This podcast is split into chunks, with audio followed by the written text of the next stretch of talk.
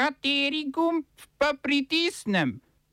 Tisti, na katerem piše OF.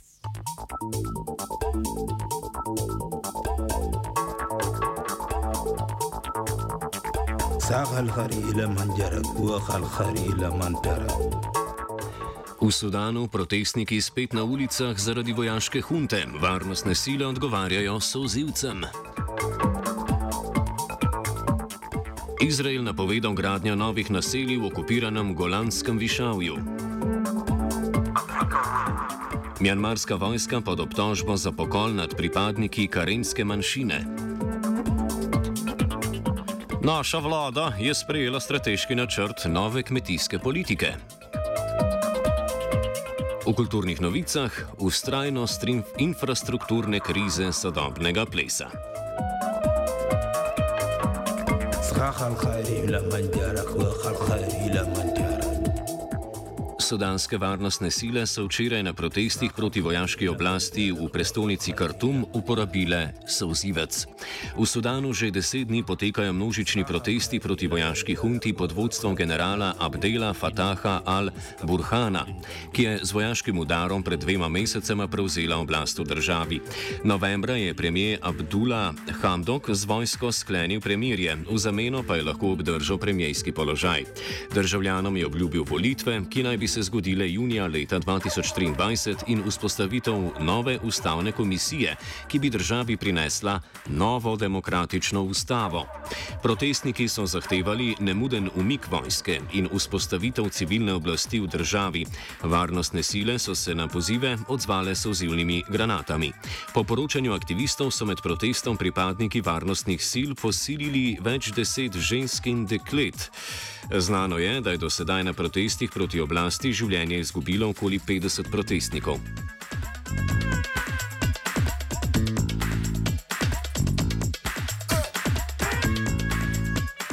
Somalijski predsednik Mohamed Abdullahi je z, a, Mo, Mohamed Abdullahi Mohamed je zamrznil povlastila premijeja Mohameda Huseina Robleja. Predsednik ga obtožuje koruptivnih dejanj v povezavi s tamkajšnjim obrambnim ministrstvom. Mnogi v vladi premijeja Robleja so odločitev označili kot posredni državni udar in politično prekrivanje trenutnih bojev med državo in skrajno islamistično skupino Al-Kaida. Aprila letos je predsednik Abdullahi Mohamed poskušal podaljšati svoj štiriletni mandat za dodatni dve leti, kar je sprožilo oster odziv v vojaških strukturah, ki so zveste premijeju. Spor je bil razrešen šele potem, ko je parlament zavrnil podaljšanje predsedniškega mandata. Dodatne nevšečnosti pa v Somaliji povzročajo nerazrešene novembrske volitve, saj se kljub temu, da je bil rok za preštetje glasov 24. decembra, vsi glasovi še niso prešteli.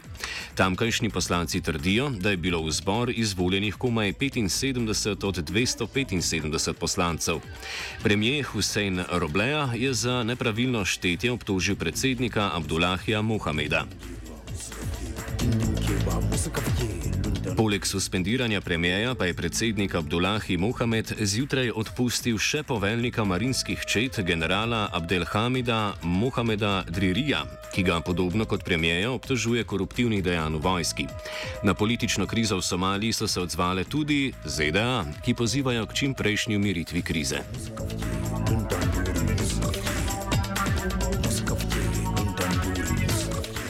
Kitajska komunistična partija se je odločila za menjavo partijskega sekretarja v sporni ujgurski regiji Xinjiang. Državna tiskovga, tiskovna agencija Xinhua je razglasila, da bo partijskega sekretarja Xinjianga Čena Čengua na položaju zamenjal dosedanji guverner regije Guangdong Ma Xingri. Čengua Ne, pardon, Čengua je položaj prevzel leta 2016. Njegov mandat so najbolj zaznamovale obtožbe glede uvedbe prisilnega dela in represije tamkajšnje ujgurske muslimanske manjšine. Po poročanjih aktivističnih skupin in Združenih narodov je administracija Čengua poslala več kot milijon Ujgurov v prevzgojne centre, ki spominjajo na koncentracijska taborišča. Njegov naslednik Ma je pred guvernersko pozicijo v Guangdongu deloval kot partijski sekretar v mestu Shenzhen, predtem pa na področju vesoljske industrije.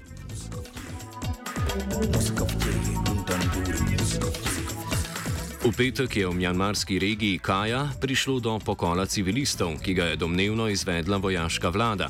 V pokolu sta izginila tudi dva delavca humanitarne organizacije Save the, Chil Save the Children. Podsekretar za humanitarne zadeve v Združenih narodih Martin Griffiths je v izjavi za javnost pozval vojaško hunto v Mjanmaru naj odpravi oziroma pardon, naj opravi transparentno preiskavo dogodka in krive obsodi.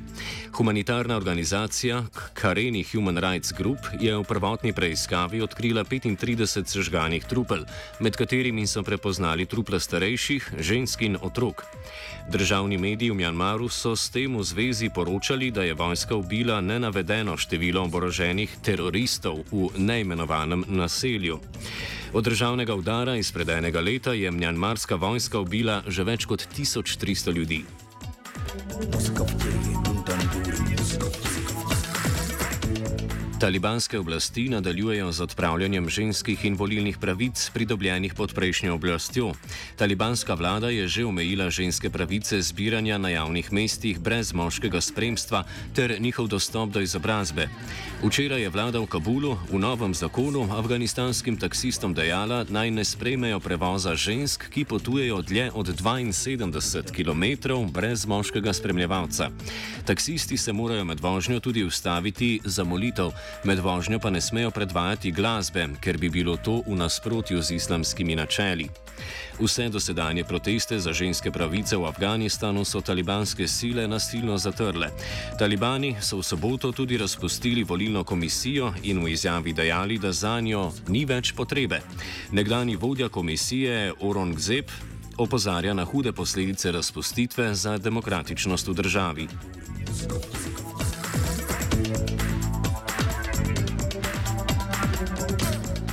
Premijer Naftali Bennett je napovedal, da bo Izrael v naslednjih petih letih podvojil število naselij v Golanskem višavju. Gradnja naselij je del načrta, ki se uresničuje tri leta po priznanju izraelske okupacije višavja strani Združenih držav Amerike pod vodstvom nekdanjega predsednika Donalda Trumpa. Izraelsko 50-letno okupacijo Golanskih višav splošna mednarodna skupnost v večini ne priznava za legitimno. Več milijonov evrov težak načrt širitve izraelskih naselij v Golanu vsebuje gradnjo dveh novih sosesk v mestu Kacrin ter dveh novih naselij. Načrt naj bi podvojil judovsko-izraelsko prebivalstvo v regiji. Bennett je v izjavi dodal, da je bolj v interesu mednarodne skupnosti, da Golansko višavje ostane v izraelskih rokah, kot pa da so njeni prebivalci vpleteni v državljansko vojno v Siriji. Oba, če, če bom odgovoril na angliški. Slovenia will try to help.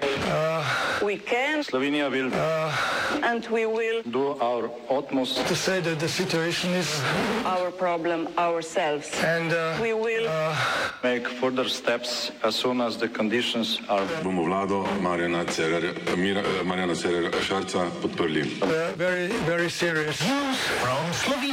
we know how and we will. Vlada je sprejela nov obsežen načrt za enotno kmetijsko strategijo med leti 2023 in 2027. Vsebina kmetijske strategije je sestavljena iz dveh stebrov, ki pokrivata različne vidike kmetijstva in kmetijskega razvoja. Prvi stebr zajema neposredna plačila, ki izhajajo striktno iz evropskih sredstev v vrednosti 688 milijonov evrov. Po besedah ministra Jožeta Podgorška bodo sredstva namenjena predvsem za osnovno dohodkovno podporo za trajnost. Ukinil se bo tudi zgodovinski hektarski plačilni sistem, po novem bo uveden nov enoten plačilni sistem. Drugi stebr vsebuje strategijo za razvoj podeželja v vrednosti 550 milijonov evrov. Slovenija bo k temu znesku prispevala še vsaj najmanj 230 milijonov evrov, dobrih 310 milijonov pa bodo prispevali tudi predstavniki kmetijskih organizacij. V strategiji je predviden večji povdarek na okoljski politiki, saj je temu namenjenih več kot 40 odstotkov evropskih sredstev drugega stebra. Načrtovano je tudi obširno usklajevanje subvencijske podatkovne baze, ki predvideva upad kmetijskih gospodinstv. Trenutno jih je v Sloveniji 57 tisoč. Ministr za kmetijstvo Podgoršek je nad strategijo navdušen in povdarja dodano vrednost, ki jo bo prinesla slovenskemu kmetijstvu.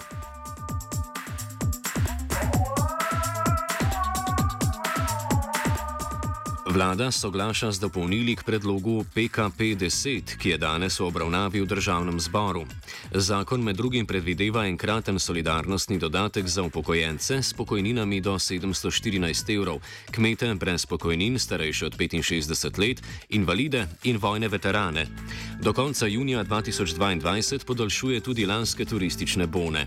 Odbor za finance je prejšnji teden sprejel dopolnjeno obliko predloga, ki prinaša začasno zvišanje najvišjega plačnega razreda za zdravnike in zobozdravnike 57. na 53. plačni razred.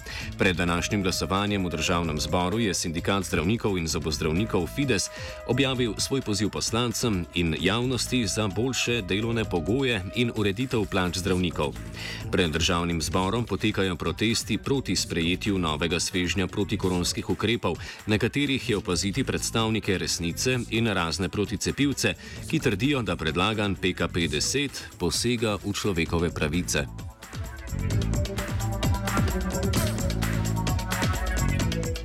Off sta pripravila Beno in Jan, mentoriral je Marcen.